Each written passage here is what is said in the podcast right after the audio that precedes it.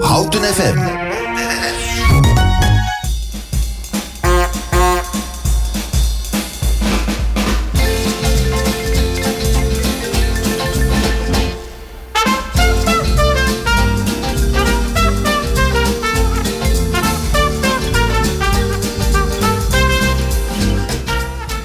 Een hele goede morgen en welkom bij het tweede uur van Welzijn Houten van woensdag 25 januari alweer. Live via 107.3 FM of streaming via de omroephouten.nl website. U kunt ons gewoon beluisteren. U kunt ons ook beluisteren straks in de herhaling tussen 5 en 7 in het namiddagprogramma Houten komt thuis. Of wellicht dat u nu ons beluistert via uitzending gemist. Dat kan natuurlijk ook. Heeft u in dit uur, dus tussen 11 en 12 vanmorgen, uh, vragen aan onze gast van het tweede uur? Dan kunt u live bellen met de studio op nummer 030 3020 765. En dan kan mijn technicus van vandaag, Paul Geraars, u bijschakelen in de uitzending. Ja, ik heb uh, mijn vaste maandelijkse gast, de burgemeester, weer aan tafel zitten. Goedemorgen en welkom in de uitzending. Goedemorgen, dank u wel. De burgemeester aan zet. Ja, dat is bijna een terugkerend uh, item aan het worden. Hè? Dat is Ja. heel mooi. Ja, ik ben daar ook heel erg blij mee. En ik vind het ook een mooie plek om nou gewoon eh, onze luisteraars wat meer te laten weten over wat het nou inhoudt om burgemeester te zijn in onze gemeente. Ja, het is een heel mooi ambt, hè? maar dat, eh, dat weet u, dat vertel ik altijd vol trots. Ja. En ik hoorde net de oproep, dus ik zou het bijzonder op prijs stellen als er luisteraars zijn met een vraag. Pak de telefoon en laat de vraag doorkomen. Dan ga ik hem proberen te beantwoorden. Ik zal het nummer nog even noemen. 030 30 20 765. Ja, eh, de burgemeester aan zet. Meestal hebben wij vooraf eventjes eh, kort per eh, WhatsApp contact over de onderwerpen. Ehm, maar dit is wel de eerste de burgemeester aan zet van het nieuwe jaar. Dus wellicht eventjes wat reflectie op de start van 2023 alweer. Nou, die is in ieder geval heel rustig verlopen als het gaat om de jaarwisseling. En daar ben ik ook natuurlijk heel tevreden over. Eh, we zien natuurlijk in het hele land dat eh, de jaarwisseling altijd wel wat gedoe met zich meebrengt. En gelukkig, eh, en eigenlijk hoort het ook gewoon zo te gaan, is het in Houten heel rustig verlopen. En eh, ja, dat laat ook zien dat we ook eh, de feestdagen op een leuke en gezellige manier met elkaar kunnen doorbrengen. Ja, dat hoop ik natuurlijk met elkaar wel vasthouden. Want ik hou wel van een beetje gezelligheid in onze gemeente.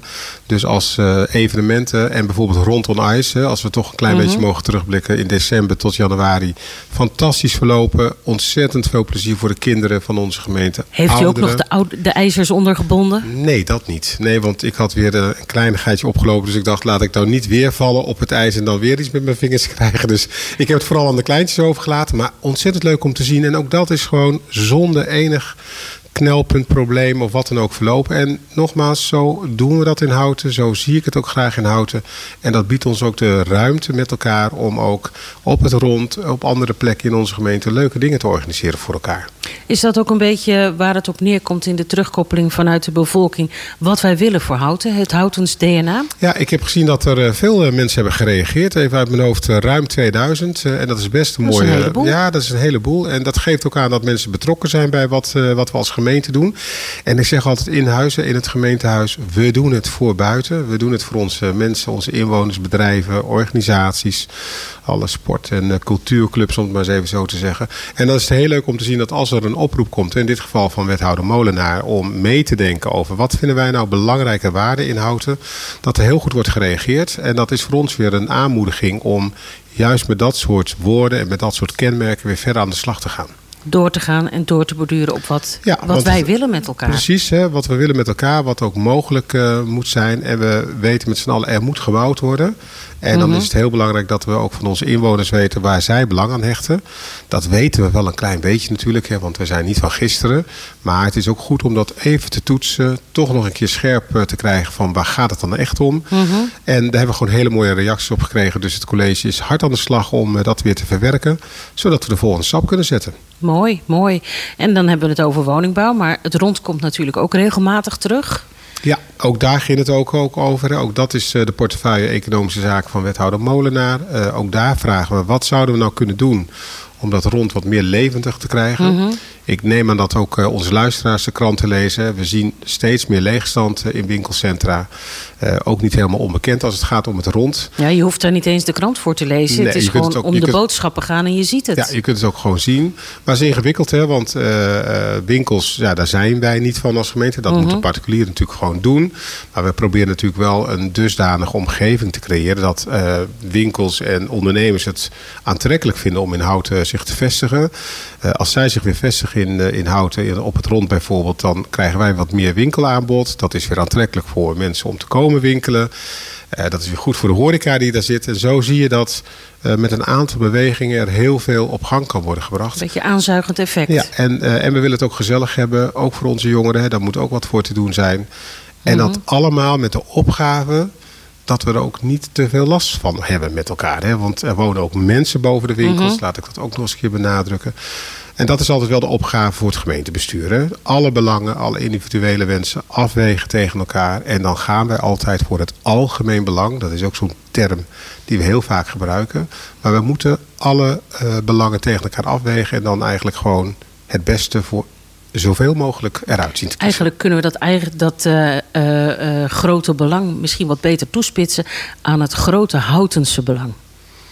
Ja, nou, daar zit ik me even af te vragen wat je daar mee bedoelt. Het grote houtensbelang.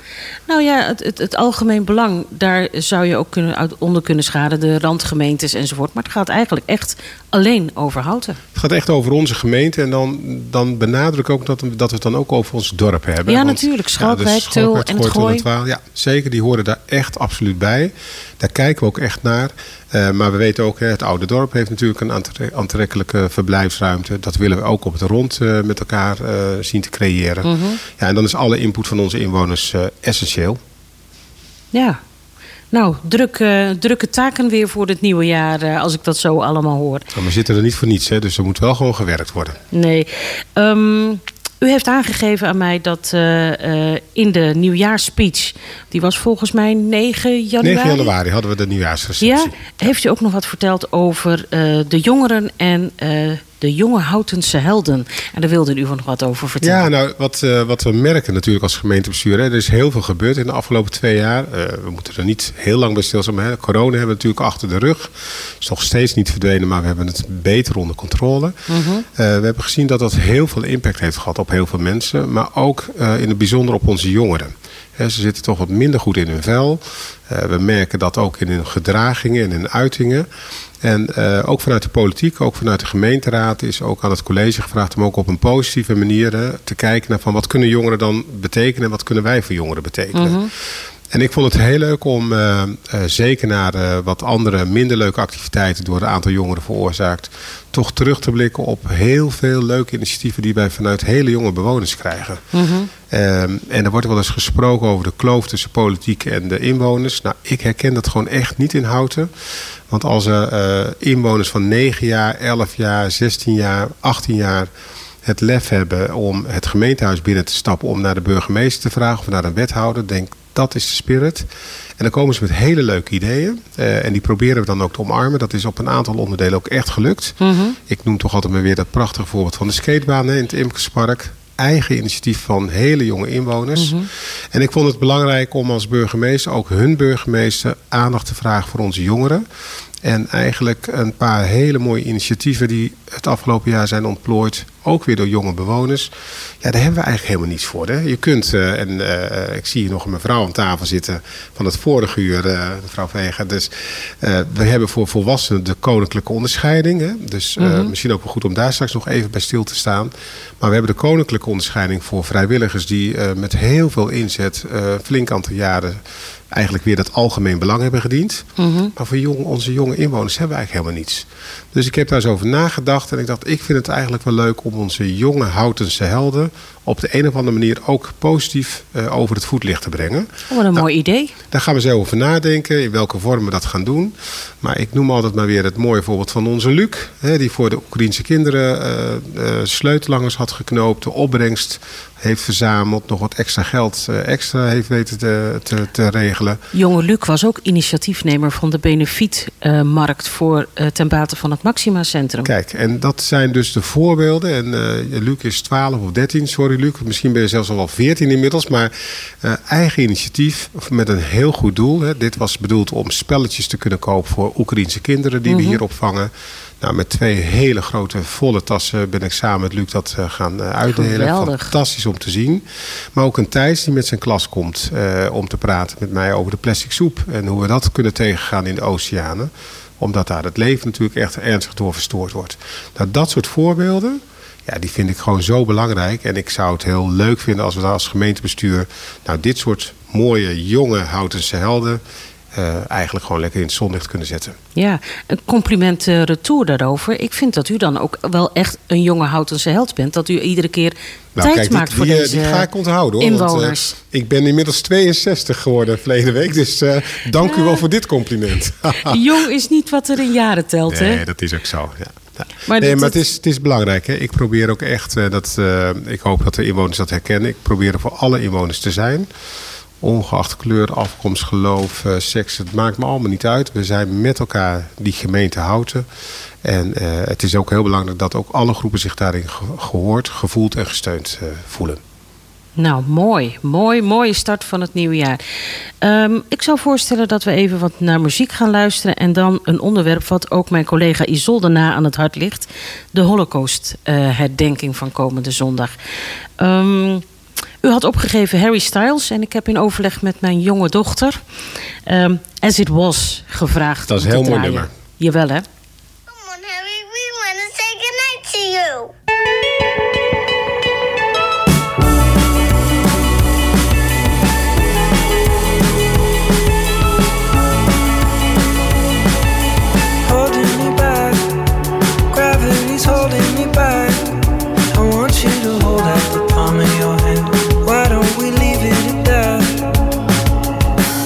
To say, and everything gets in the way.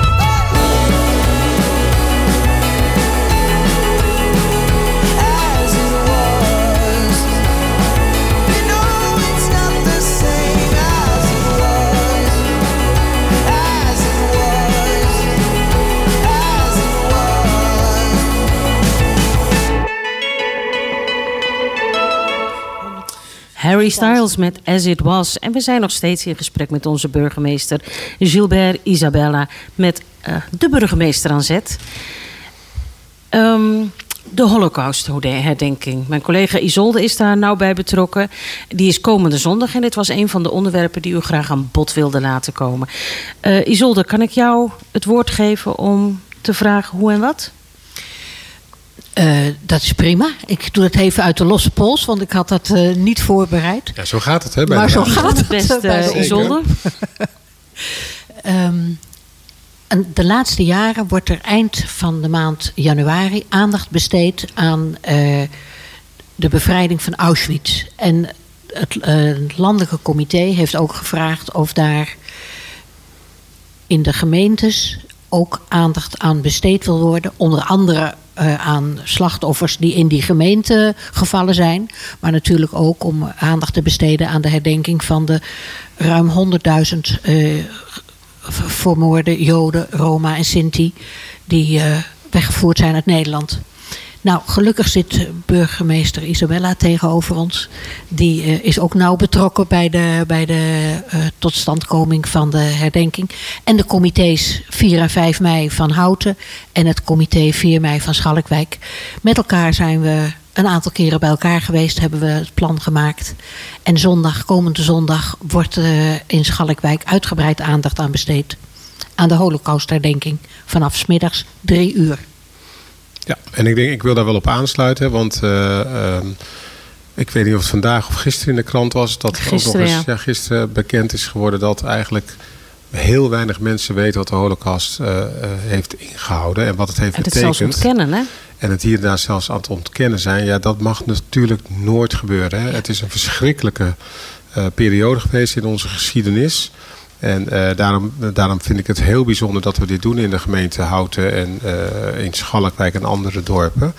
Juist ook om er bij stil te blijven staan. Eh, ik zeg ook altijd in de speeches die ik uitspreek op 4 mei en eh, nu weer aanstaande zondag. Hè, laten we de namen blijven noemen van hen die ons ontvallen zijn. Eh, dat is niet voor niets, want het is echt een zwarte bladzijde in onze geschiedenis. En eh, het feit dat een aantal mensen dat ook niet meer weten, en steeds minder mensen weten, is ook een van de redenen waarom ik zoveel belang hecht om gezamenlijk te blijven herdenken. Juist omdat heel veel mensen staan. die de oorlog hebben meegemaakt, hè, de Tweede Wereldoorlog, inmiddels zo oud zijn of inmiddels zijn, zelf zijn overleden. Dus dat we het niet meer uit de eerste hand kennen. Deze geschiedenis mag nooit vergeten worden. En herdenken is heel goed. Stil blijven staan bij wat is gebeurd is zeker noodzakelijk. En natuurlijk, we houden onze blik altijd weer gericht op de toekomst. Maar dit mogen we niet vergeten. En ik ben dan ook heel erg eh, ja, tevreden dat ook in gezamenlijkheid hè, van de comité's die wij in Houten kennen... eh, we deze eh holocaustverdenking gezamenlijk vormgeven. Dit jaar in Schalkwijk. Eh, er is een mooie wandelroute uitgestippeld, omdat in Schalkwijk ook echt een aantal mensen ondergedoken hebben gezeten. En dus Schalkwijkers hun deuren hebben opengezet hè, met gevaar voor eigen leven. eh, om mensen op te vangen. En we staan stil bij het monument eh, wat bij de rotonde, bij de trip en bij de Jonker Ramweg eh, is gevestigd. Om, om deze geschiedenis te herdenken met elkaar.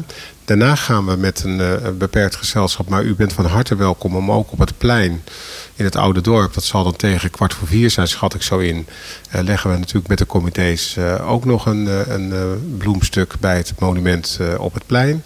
En we zullen een klein bloemstuk neerleggen bij de Struikelsteen. En dat is aan de Korenmolen.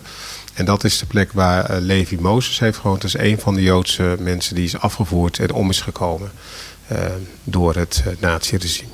Ja, goed om daarbij stil te staan. En dat is aanstaande zondag. Aanstaande zondag 29 januari. En vanaf half drie eh, zijn de mensen volgens mij welkom in het Lucashuis Ja. in Schalkwijk. En om drie uur gaan wij eh, wandelen.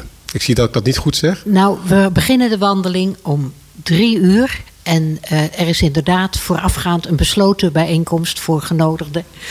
Maar, eh, Ik was net iets, je- iets te gastvrij te gul Maar we gaan niemand goed. weigeren. Vanaf we gaan niemand weigeren. En vanaf drie uur is er eh, op het plein van de Sint-Michaelkerk, eh Joramweg nummer 18, beginnen we de wandeling. Ja. En ik zou eigenlijk van de gelegenheid gebruik willen maken om een oproep te doen aan onze inwoners. Dat als u in de gelegenheid bent om mee te wandelen, het is een klein stukje, komt u vooral. Want ik hecht er veel waarde aan dat we met elkaar laten zien dat we eh, deze zwarte bladzijde niet willen vergeten, niet mogen vergeten en niet kunnen vergeten.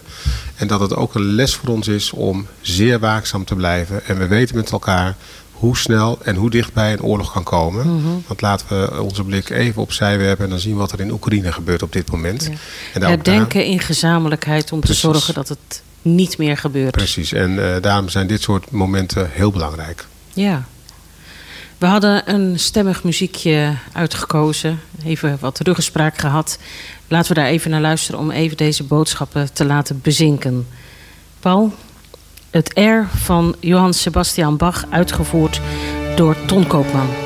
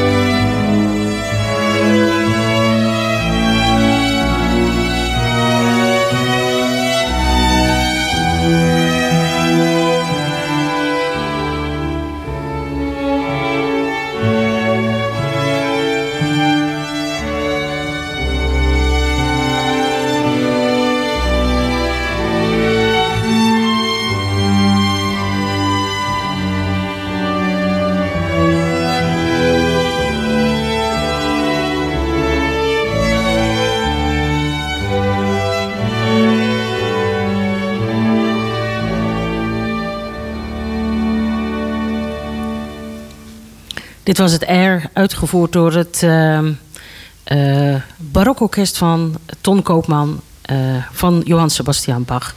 Um, we hebben dit nummer gekozen niet omdat we graag op Radio 4 willen lijken, maar omdat het stemmige muziek is die aansluit bij het onderwerp wat we net bespraken: de Holocaust-herdenking van komende zondag, waar onze burgemeester ook uh, aan deel zal nemen. Zeker, want ik denk, als ik daar nog één ding over mag zeggen, want we herdenken natuurlijk de Holocaust, maar we hebben ook uh, de recente publicatie gezien dat een kwart van onze 40 minders eigenlijk twijfelen of dat allemaal wel zo is gelopen zoals het is gelopen. En daar kan geen twijfel over bestaan. En dat betekent ook dat we een opdracht hebben met elkaar uh, om die bewustwording van die zwarte bladzijde uit onze geschiedenis, dat die nooit uit onze hoofden mag verdwijnen. En dat wij onze jongeren moeten leren opvoeden en opvoeden met dit gegeven. Uh, daar mag geen twijfel over bestaan. Er is geen twijfel over. Er zijn heel veel mensen, heel veel Joden omgebracht in die Tweede Wereldoorlog. En uh, ik denk dat het heel goed is als we ons daar zeer bewust van zijn en blijven. En ook voor onze jongere generaties. En ervoor waken dat zulke dingen niet en meer laat kunnen het gebeuren. nooit meer gebeuren. Ja, ja. Nou, mooi besluit van dit, uh, dit onderwerp. In ons vorige uur hebben wij uh, onder andere twee mensen van het taalhuis in Houten mogen ontvangen. En heel toevallig liep dat een beetje samen met uw eerdere activiteit van vanmorgen. Ja, het U zijn heeft, de eh, nationale voorleesdagen. Dus Ja.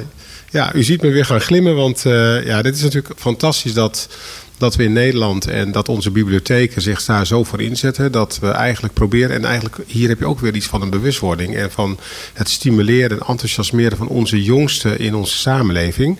Lezen is heel belangrijk voor de taalontwikkeling van kinderen. En daar kun je niet vroeg genoeg mee beginnen. En we hebben eh, sinds een aantal jaren de traditie opgebouwd dat we dus de nationale voorleesdagen hebben. Dan worden er altijd voorlezers gevraagd. En dan mag de burgemeester ook altijd. Is hij helemaal trots dat hij weer gevraagd is. Dus ik heb vanochtend eh, in eh, de bibliotheek eh, aan het onderdoor. voor mogen lezen aan, aan de klei- allerkleinste die op school komen. Dus dat is groep eh, 1 tegenwoordig. Hè. Dan ben je geloof ik vier jaar. Die zaten ook allemaal heel enthousiast. Het was in dit geval de openbare basisschool de Bijenkorf. Daar was ik toevallig twee weken geleden ook geweest omdat ik daar de schoolbibliotheek mocht openen. De bibliotheek op school. De bibliotheek op school, dank u wel. Dat is de moderne term, de bibliotheek op school. Ja, en dat is hartstikke leuk, want daarmee stimuleer je dus jonge kinderen om eh, boeken te gaan lenen op een makkelijke en toegankelijke manier. En je stimuleert het leesonderwijs. En uh, als we leren lezen en daar plezier in hebben, dan weten we ook inmiddels uit ervaring en uit onderzoek dat je dat blijft doen. Het is goed voor je ontwikkeling, je algemene ontwikkeling. Maar lezen is ook gewoon ontzettend leuk. Ja. En ik mocht voorlezen uit uh, Maximiliaan de Modderman. Uh, nee, Maximiliaan Modderman, zo heet hij. En het was een heel leuk verhaaltje met prachtige illustraties uh, over een jongetje wat uh, met zijn vriendjes de beesten in bad gaat. De taart daarin meeneemt. Papa en mama boos om de hoek komen kijken. En uiteindelijk iedereen in het grote bad belandt. En de kinderen hadden dat al een beetje geoefend uh, op school, merkte ik. Want ze kenden al een klein beetje de, het verhaaltje. En ze deden zeer enthousiast mee. Wat leuk om te horen. Ja, we hebben een, een behoorlijk aantal maanden geleden mensen van, volgens mij ook van het taalhuis op bezoek gehad. Zelfs voor pasgeboren kinderen is voorlezen heel belangrijk voor klankherkenningen.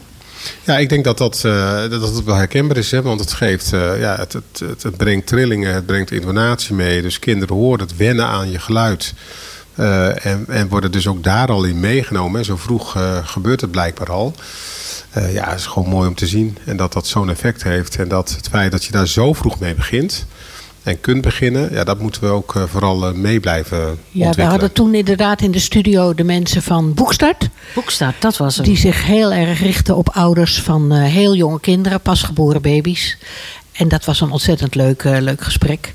Ook, ik, je kan het niet vaak genoeg zeggen, maar Boekstart zorgde bijvoorbeeld voor dat kinderen ook een koffertje met uh, twee of drie boekjes erin kunnen ophalen bij de bibliotheek. Als je ah, dat is een leuk voorbeeld. Ik, heb, ik ben reisvertegenwoordiger geweest op Bonaire, Saba, Sint-Eustatius. En mm -hmm. ook daar werd heel veel gedaan aan de taalontwikkelingen. Want uh, daar spreken de kinderen eigenlijk thuis altijd papimens.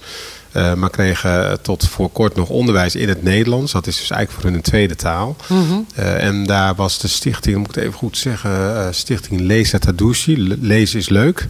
En die hadden ook van dat soort pakketten. Ik ben een keer met die stichting op pad geweest. En dan gingen we toch de wat andere buurten in waar toeristen niet zo vaak komen. Ja. En dan leverden dan een stapeltje boeken in uh, af. En dat konden de kinderen dan gebruiken. En die konden daarna weer nieuwe boeken krijgen. Dat werd ook zeer gewaardeerd. Hè? Want ook dat stimuleerde het leren van de Nederlandse taal. Uh, zodat ze ook weer beter voorbereid op het vervolgonderwijs uh, kunnen aansluiten. Ja, Kortom, mooi om te horen dat dat daar ook gebeurt. Ja, zeker, ja. zeker. Nou ben ik wel persoonlijk benieuwd. Heeft onze burgemeester echt wel een voorleesstem? Maakt hij stemmetjes? Maakt hij het verhaaltje levendig? Ja, dat probeer ik natuurlijk wel te doen. Maar ik weet niet of het altijd lukt. Maar de kinderen waren in ieder geval enthousiast. Ik zal het ook eens in de gemeenteraad gaan proberen. Misschien helpt het ook. Ja, daar dat probeer maakt ik het vast een daar probeer ik overigens ook een grapje te maken. Hoor. Dus uh, we hebben gisteravond weer de eerste gemeenteraadsvergadering gehad. Maar nee, ik denk dat het, uh, dat het heel leuk is om uh, als ouders of als voorlezer, moeder of vader, opa of oma, het maakt niet uit wie het doet, als het maar gebeurt. En ik denk dat we daar heel goed op weg zijn. En ik vind de rol van de bibliotheek daarin ook een hele belangrijke. En ook heel fijn om te zien dat die zich ook echt ontwikkelt. Niet alleen maar als een plek waar je boeken kunt lenen. Maar er gebeurt ondertussen in alle bibliotheken ontzettend veel meer. Dus het is ook gewoon een hele aantrekkelijke plek voor onze jongeren. Nou, goed om te horen. Weer iets om trots op te zijn in Houten, hè? Precies. Ja. Um, ik heb vanmorgen een beetje in de krant, gebladerd en ik kwam tegen dat uh, uh, de gemeente Utrecht, dat daar de gemeentereiniging volgende week gaat staken. Is dat ook in de orde, aan de orde in Houten? Ik heb het zelf nog helemaal niet gehoord. Ik uh, hoop ook eerlijk gezegd dat het niet gebeurt. Uh, want wij zijn natuurlijk gewoon een hele leuke gemeente waar uh, onze werknemers met heel veel plezier werken.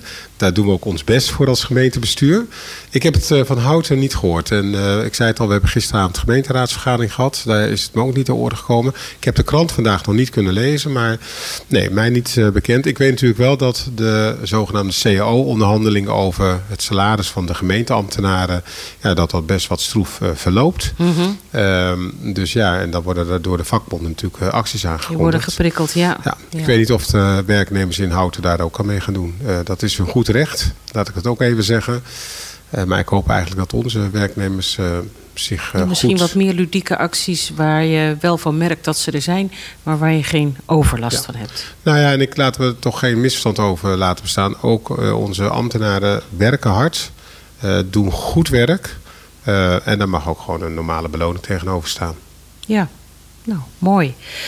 Um, we proberen iedere keer bij de burgemeester aan zet toch ook een stukje um, uitleg van het ambtelijk apparaat te bedden te brengen. Hè?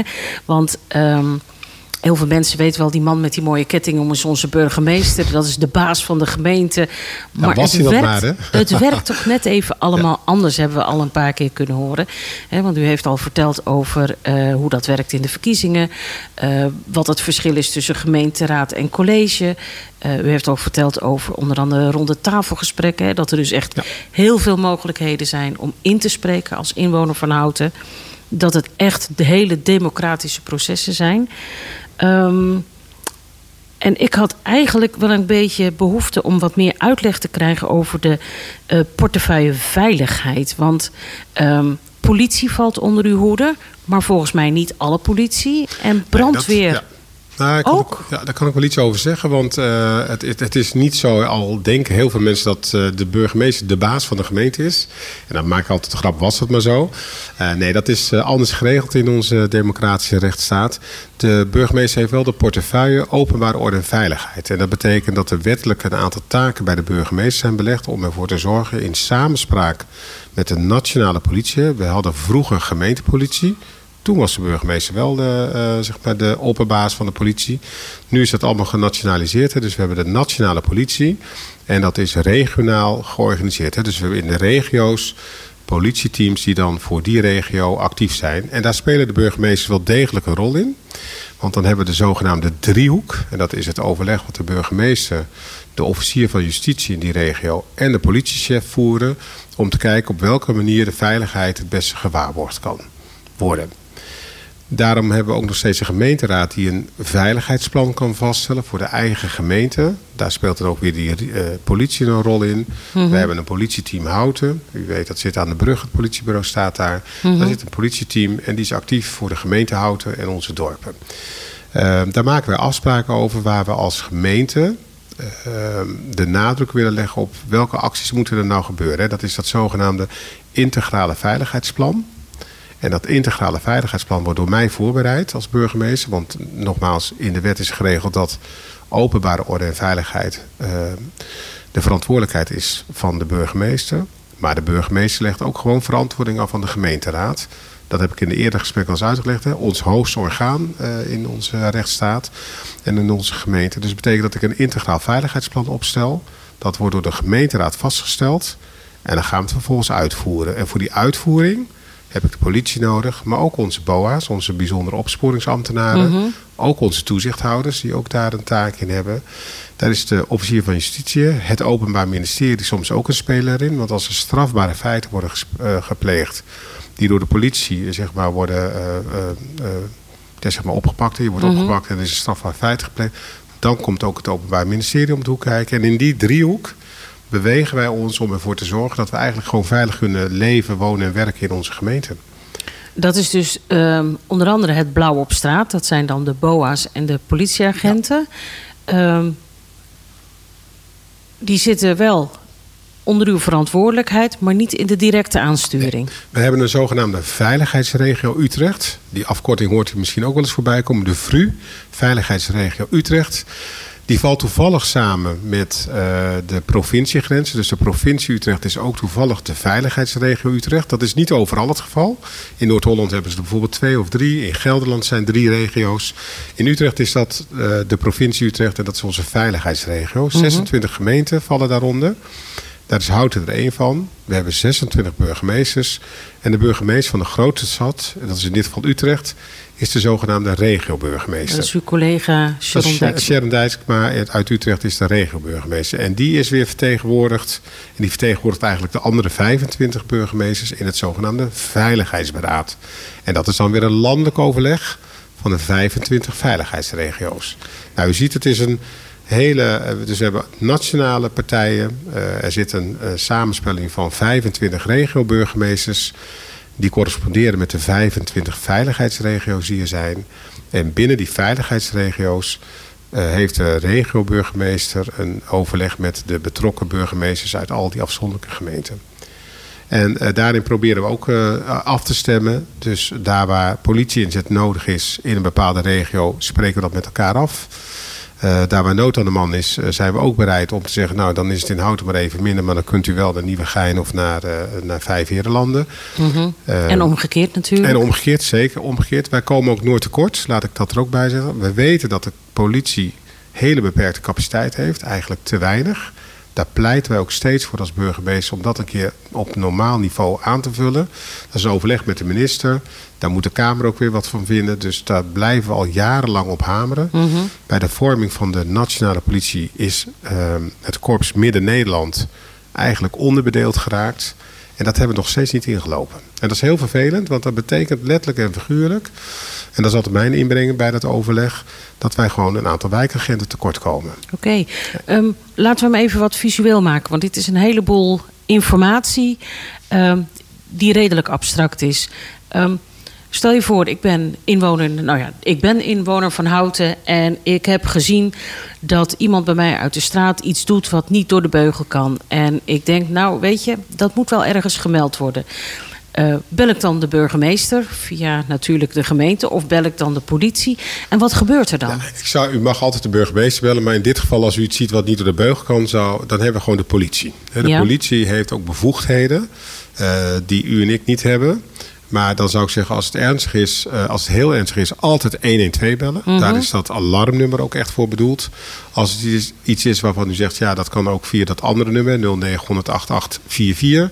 Dan informeert u de politie daarover en die maken daar dan een aantekening van en geven dat door aan ons lokale politieteam, politie Houten. Die gaan er dan op af. Eh, als het zaken zijn waarvan u denkt, ja, het is niet echt van de politie, maar we willen wel laten weten aan de gemeente dat het speelt, kunt u ook altijd naar het gemeentehuis bellen. Dan stuur ik daar de eh, BOA's op af, hè, onze bijzonder opsporingsambtenaren of onze toezichthouders. En Wat hebben, is het verschil tussen BOA en ja, dat, dat toezichthouder? heeft met verantwoordelijkheden te maken. hè. Dus een toezichthouder, van, en dan heb ik bijvoorbeeld over toezichthouder bouw. Ja, dat is iemand die speciaal opgeleid is met bevoegdheden om bij bouwactiviteiten te kijken of alles loopt zoals dat volgens de vergunning zou moeten. Onze BOA's, hè, onze bijzonder opsporingsambtenaren, die hebben bijvoorbeeld bevoegdheden om te controleren in de blauwe zone. Of te controleren als er geluidsoverlast is. Of als er jongerenoverlast is. Dus die hebben wat andere taken. En dat is allemaal netjes eh, verdeeld via allerlei wetten en regels. Maar u kunt altijd deze partijen bellen. Dan is er nog een andere manier waarop onze inwoners eh, kunnen melden dat er iets bijzonders aan de hand is. En dat is meld misdaad anoniem. Eh, en dat is eigenlijk bedoeld, want wij weten ook dat niet iedereen altijd het even prettig vindt om toch iets te melden. Omdat men denkt, ja, als ik het meld, dan weet eigenlijk iedereen wel waar het vandaan komt. En toch is dat een hele belangrijke, want eh, ook iedere melding die via meld misdaad anoniem binnenkomt, dat wordt geregistreerd door ons, hè, de melding. Dus niet wie heeft gebeld of wie of wat, maar wel wat er iets aan de hand is. En dan gaat de politie op af of dan gaan mijn veiligheidsmensen op af. Dat onderzoeken we. En als we denken, hé, er is meer aan de hand. En zo eh, komen bijvoorbeeld acht illegale wietkwekerijen. En dat komt wel weer bij u terecht. Dat komt bij de politie en bij de gemeente terecht. En daar doen we dan onderzoek naar en daar plegen we ook echt directe actie op. En dat is de reden dat ook onze inwoners af en toe van mij een bericht in de krant zien staan dat ik een wietkwekerij heb of een pand heb gesloten waar de wietkwekerij is opgerold. Dat komt soms door ons eigen recherchewerk wat we kunnen doen in samenspraak met de politie. Maar gelukkig zeg ik daarbij ook heel vaak omdat we gewoon een anonieme melding hebben gekregen. Dat hebben we onderzocht en dan blijkt er iets aan de hand te zijn. En dat is, en dat wil ik nog een keer benadrukken, dat is echt geen klikken. Want het gaat om onze veiligheid, hè, van u en van onze kinderen.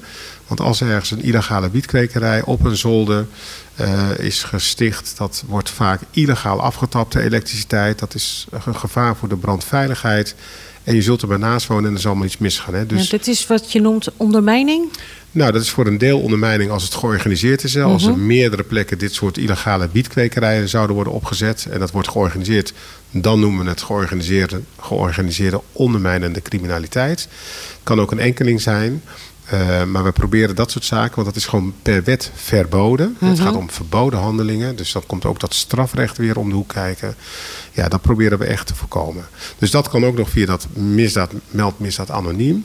En we hebben ook nog eh, de Stichting Veilig Houten. Dat is een particulier initiatief. En daar kun je als buurtbewoner je melden voor de zogenaamde WhatsApp-groepen, de buurtpreventieactiviteiten. Nou, dat is meer de Van ogen... Jeroen, hoe heet hij ook weer? Jeroen Balk, ja, Ja. Stichting Veilig Houten. Zijn, ben ik zeer blij mee dat die bestaat. Want daarmee kun je als buurtbewoner je melden van... nou, als ik in deze buurt woon, dan wil ik lid worden van die WhatsApp-groep. En dingen waarvan je denkt, hé, hey, wat gebeurt daar? Dat wordt in die WhatsApp-groep gedeeld. Je wat vroeger de sociale controle was? Ja, dat is dus eigenlijk gewoon nu de nieuwe, de moderne vorm van sociale controle. Ja. Ehm, en dat wordt dan doorgegeven als er iets ernstigs aan de hand is aan de politie. En zo proberen we met elkaar die veiligheid in onze gemeente te waarborgen. Ja. Dus we doen het met veilig, eh, houten veilig houden doen we ook echt weer met elkaar. Wel met ieders verschillende rollen en bevoegdheden. Politie, opsporingsambtenaren, gemeente, openbaar ministerie. Maar wel degelijk ook onze inwoners. Oké. Eh, alle acties die worden uitgevoerd door politieagenten, wijkagenten, BOA's, eh, opzichters, komen die ook bij u terecht? Uh, ja, de meeste wel. Ik zit even, u ziet me even twijfelen, omdat, uh, kijk, als een, een toezichthouder een bouwplek gaat inspecteren, wordt dat niet bij mij gemeld. Mm -hmm. um, als wij bijzondere controles doen, en die doen we ook, hè, ook dat weer, dat zijn onverwachte controles. Uh, en dan komt er meestal een team op pad. Hè. Dan gaat Stedin, onze energieleverancier mee. Dan gaat het Openbaar Ministerie mee. Onze BOA, een politiemens. Um, ja, dat komt er af en toe wel eens wat stevig over. Maar dat is ook echt bedoeld om een signaal af te geven. We, uh, we letten op de zaken binnen onze gemeentegrenzen. En als er iets niet in de haak is, dan, ja, dan merkt u dat. En ik denk dat dat ook heel plezierig is, ook voor inwoners. Dat ze zien dat we uh, heel veel acties doen. Niet alle acties worden bij mij gemeld. Maar ik weet er altijd van, want ik krijg er altijd een terugkoppeling over. En soms zet ik natuurlijk ook gewoon zelf die actie in gang. Ja, als ik dingen doorkrijg waarvan ik denk, dat vind ik belangrijk. Mhm. Bijvoorbeeld overlastmeldingen of uh, meldingen dat er drugs zou worden gedeeld. Ja, als dat bij ons binnenkomt, dan ga ik daar direct achterheen. Dan overleg ik met de politie dat ik dit soort meldingen heb gekregen. Dat ik wil dat daar uh, onderzoek naar wordt gedaan. Hè? Want ik ben niet de baas van de politie. Maar ik stuur ze wel voor een deel aan als het gaat over de inzet. Waar moet u nu aandacht binnen aan? onze gemeente. Binnen onze gemeente. Ja. ja. Dus de, de portefeuille uh, openbare orde en veiligheid is zowel naar beneden toe uh, sturend van wat is er waar nodig en waarom. Wat gebeurt er in de gemeente? Waar is actie op nodig? Maar ook naar boven toe, richting het, het, het veiligheidsberaad uh, van, van de regio. Wat dan ook weer naar uh, de landelijke politiek ja, gaat. En dat, dus gaat dan, dat gaat dan wat getrapt. Hè? Ja. ja, de burgemeester heeft daar gewoon echt een wettelijke taak in. Hè? En uh, misschien dat voor de volgende keer dat we nog eens kunnen praten over uh, het verschil tussen de zogenaamde zelfstandige bestuursorganen. Heel ingewikkeld, maar dat ligt ik graag een volgende keer toe. De burgemeester als functie is ook zo'n zelfstandig orgaan. En dat betekent dat de wettelijke bevoegdheden aan mij als burgemeester zijn toegekend die ik uh, zelfstandig kan uitvoeren. Dus als ik als burgemeester vind de openbare orde is in het gedrang, dan kan ik daar een noodbevel voor uitvaardigen. Ik kan, ik kan een aantal dingen inzetten. Uh, dat moet ik altijd verantwoorden achteraf hè, in de gemeenteraad. Maar uh -huh. dat is wel mijn bevoegdheid om ook direct te kunnen handelen. Dat heeft de politie ook bij wet. Als de politie het ziet wat niet kan, mogen ze optreden politie is de enige uh, organisatie in het land die ook het gewelds uh, mag toepassen als dat nodig mocht zijn. Uh, nou, zo zijn de taken onderling verdeeld.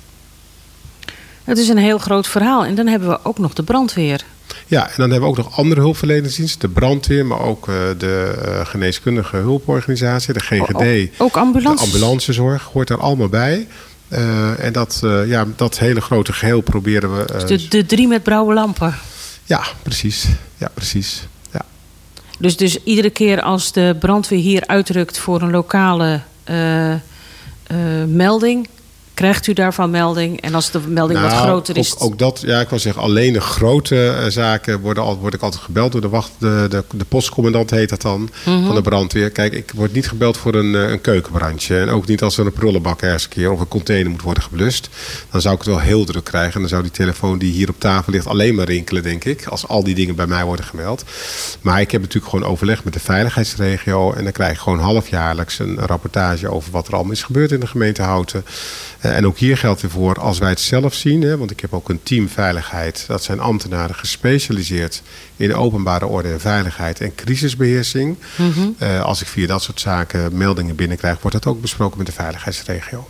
En hebben jullie dan ook overleg, uh, burgemeester, politie, BOA's, brandweer en medische diensten? Ja, niet allemaal tegelijkertijd, maar ik spreek één keer in de zoveel tijd zelf ook met onze BOA's. Want ik vind, mm -hmm. hè, dat zijn mijn ogen en oren op straat, zeg ik wel eens. Ja. Uh, en die wil ik ook altijd rugdekking geven. Ik zeg ook tegen ze, als jullie op straat iets zien gebeuren waarvan je op dat moment vindt dat je moet optreden, dan doe je dat. En dan heb je altijd de rugdekking van de burgemeester. Er kan best een keer iets misgaan, maar dat bespreken we dan intern. en, maar zij zijn, ze zijn mijn verlengde toezicht eh, op straat in het kader van openbare orde. Eh, dat gebeurt daar. Ik heb over iedere eh, om de week overleg met de politie over een aantal zaken die in de gemeente spelen. Ik heb iedere week overleg met mijn veiligheidsteam. Eh, ik heb regelmatig overleg in de veiligheidsregio met de collega-burgemeester. Dus daar zit een heel overlegcircuit aan en dat vult aardig mijn agenda. Daar kan ik me wel wat bij voorstellen, ja. Want ik kan me ook wel voorstellen dat er eh, calamiteiten zijn waar alle drie de blauwe zwaarlichten in actie komen. Ja, maar dan hebben wij de zogenaamde crisisbeheersing. En dat is ook weer een hele aparte kolom eh, qua organiseren. Dat, ja, dan wordt het wel heel. Dat zijn de zogenaamde gripsituaties. Dan wordt er opgeschaald. Ja. Want dan gaat het eigenlijk verder dan alleen de gemeentegrens. En dan schakel ik ook altijd de veiligheidsregio in. Want dan komen er gewoon heel veel eh, extra manschappen ook eh, richting Houten. Om dat ook gewoon goed eh, gereguleerd te laten verlopen. Maar dat is echt een hele aparte tak van sport. Heeft u dat al meegemaakt in uw Jazeker. ambt? Uh, bijvoorbeeld uh, tijdens uh, de storm verleden jaar. Dat die, die bak, die glazen wassersbak bovenop de, de toren hier in het rond... Mhm. Mm -hmm. aan het heen en weer zwaaien was en het dreigde naar beneden te vallen. Dat is dan bijvoorbeeld een grip 1. Dan komt de brandweer met alle materiaal en materieel naar voren. De politie is dan op volle sterkte aanwezig. Hè. Er worden ook heel veel gebieden afgezet. Um, ja, dus dat soort situaties komen hier ook voor. De brand uh, twee jaar geleden bij Domino's op het rond. Mm -hmm. Dat is ook zo'n situatie. Ja, dat, je ziet ook eigenlijk dat het dan groter is dan een klein voorval. En dan schakel ik eigenlijk alle troepen en hulpdiensten die daarvoor nodig zijn. Wat een, uh, een heftig onderwerp hebben we nu uh, Ja, maar onderdeel van de portefeuille van de burgemeester. Ja. En u ziet het, er is altijd wel iets te doen. Ja, nee, maar dat, dat, dat spreekt inderdaad. Ja, ik ben een beetje flabbergasted. ik had dit niet verwacht dat er uh, zoveel achter zou zitten. Ja, nee, daarom vind ik dit programma ook heel leuk. Hè? Want uh, ik vind het heel, uh, ook wel bijzonder dat ik in de gelegenheid word gesteld om onze inwoners daar een klein beetje mee te nemen. En ik kan er uren over spreken hoor, dus dat ja. zal ik niet doen. Maar er gebeurt echt veel meer achter de schermen. En dat is ook wel de reden dat ik ook af en toe echt wel voor onze ambtenaren sta. Uh, want er is, uh, het is makkelijk kritiek te leveren hè, via sociale media op, wat, op zaken die gebeuren. Maar dan denk ik, nou mensen, u zou eens moeten weten hoeveel werk er echt achter de schuil gaat. Ja. En nogmaals, waar gewerkt wordt, uh, worden fouten gemaakt. Hè, waar gehakt wordt, vallen spaanders. Maar we doen het echt oprecht met de intentie het goed te doen voor onze inwoners. Daar hebben de inwoners ook voor nodig. Hè, want corrigeer ons waar dat noodzakelijk is. Maar het is niet zo dat we gezellig uh, de hele dag in een gemeentehuis zitten en denken, nou wat zullen we eens voor uh, leuks voor onszelf gaan doen? Ja, Absoluut nee, niet. Die indruk had ik ook uh, niet hoor. Ik heb genoteerd voor de volgende keer burgemeester aan zet de zelfstandige bestuursorganen. Dat is goed. Dan zal ik me daar vast op voorbereiden. Om dat toch een beetje in, in gewoon Nederlands ook toe te kunnen lichten. Hè? Want ik moet ook oppassen dat ik niet te veel de vakjargon gebruik. En ik ga proberen om dit uh, verhaal van de portefeuille openbare orde en veiligheid een beetje netjes neer te schrijven voor bij uitzending gemist. Wellicht dat ik graag nog even vraag om uh, na te lezen met ja, puntjes op i te zetten. Helemaal goed. Uh, een enorme hoeveelheid aan informatie. Heeft u nog een laatste leuke uitvlieger voordat ik de uitzending ga afsluiten? Oei, even denken. Leuke hoor, dingen want, die op uh, stapel ja, staan. Ik, ik, heb mijn, uh, ik heb de evenementenkalender is een concept gepubliceerd. En ik weet dat, uh, dat we weer een heel druk en vol programma gaan krijgen. Nou, ik, ik, het is geen leuk evenement, maar een belangrijk. Hè. We hebben het er al even over gehad. Ik vind toch wel, ik kijk wel uit naar aanstaande zondag. De Holocaustherdenking in Schalkwijk. En op het plein in het Oude Dorp. Um, belangrijk moment, bewustwording, heel erg essentieel. Dus ik, uh, ik wil daar graag uh, toch uh, als laatste de aandacht nog een keer op vestigen. Aanstaande zondag 29 januari, 3 uur, Jonker Ramberg bij de Michaelskerk in Schalkwijk. Nou, mooi besluit. Dank u wel weer voor deze mooie inhoudelijke bijdrage. En volgens mij hebben we over vier weken het vervolg van de burgemeester aan zet. Uh, als de agendas dat toelaten. Hè? Ja, Want ja, stel je voor dat uh, de veiligheidsregio aan de bel trekt en er moet overlegd worden. Ja, dan ja. skippen wij. Nou, over overleg skip ik het niet. Maar als er echt iets aan de hand is, dan uh, moet ik erbij zijn. En anders ben ik gewoon weer present. Heel fijn. Dank u wel. Graag gedaan. Ja, en daarmee zijn we bijna aan het einde gekomen van Welzijn Hout. Maar laten we nog even een verzoeknummertje van u draaien. U had onder andere het goede doel met het nummer Alles proberen. Alles, Alles geprobeerd. geprobeerd. Ja.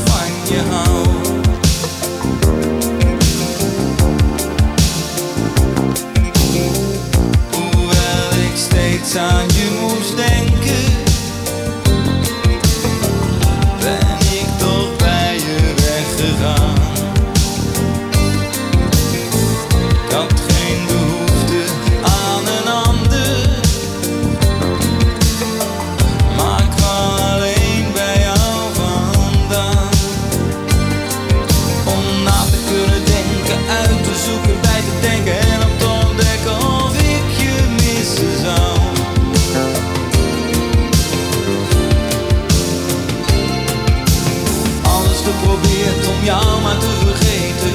Overal geweest en ik lief met iedereen. Nooit geaccepteerd wat ik steeds heb geweest.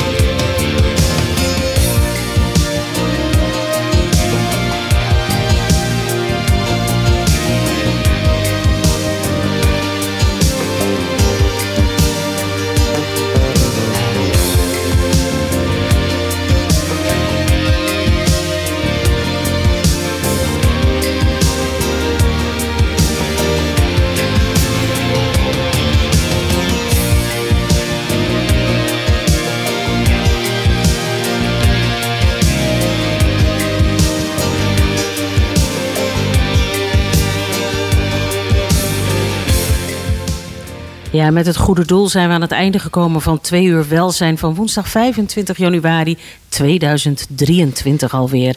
U heeft in het eerste uur kunnen luisteren naar een interview met uh, Ben Hermans over zijn nieuwe boek. Uh, doorleven. Uh, och, nou ben ik de titel kwijt. Ik ga het er even snel bij halen, want dat vind ik toch niet zo heel netjes als ik dat niet meer netjes roep mijn blaadjes kraken en doen. We hebben natuurlijk ook met het taalhuis gesproken. Uh, over uh, de, de, de taallessen voor laaggeletterden, maar ook voor mensen met een andere uh, taal als achtergrond. En over natuurlijk het IDO, de, het informatiepunt digitale overheid. En in het tweede uur hadden we de burgemeester aan zet. Met onder andere een mooi verhaal over de portefeuille, openbare orde en veiligheid. Het boek van Ben Hermans, Niet beleven, maar doorleven. Zeker een aanrader om te lezen. Volgende week zit mijn collega Henk Donker hier weer. Ik heb net op de app gekregen dat hij twee hele mooie onderwerpen heeft. Het eerste onderwerp over welkom over energie. En het tweede onderwerp over leerlingenvervoer in Houten. Interessant genoeg om daar zeker naar te luisteren. Dank aan mijn gasten. Burgemeester, fijn dat u er weer was. Isolde, leuk om samen met jou weer in de studio te zijn. Paul, dankjewel voor het uh, kundig schuiven van deze uitzending. En u luisteraars, graag tot de volgende keer. Omroep Houten volg je via social media en omroephouten.nl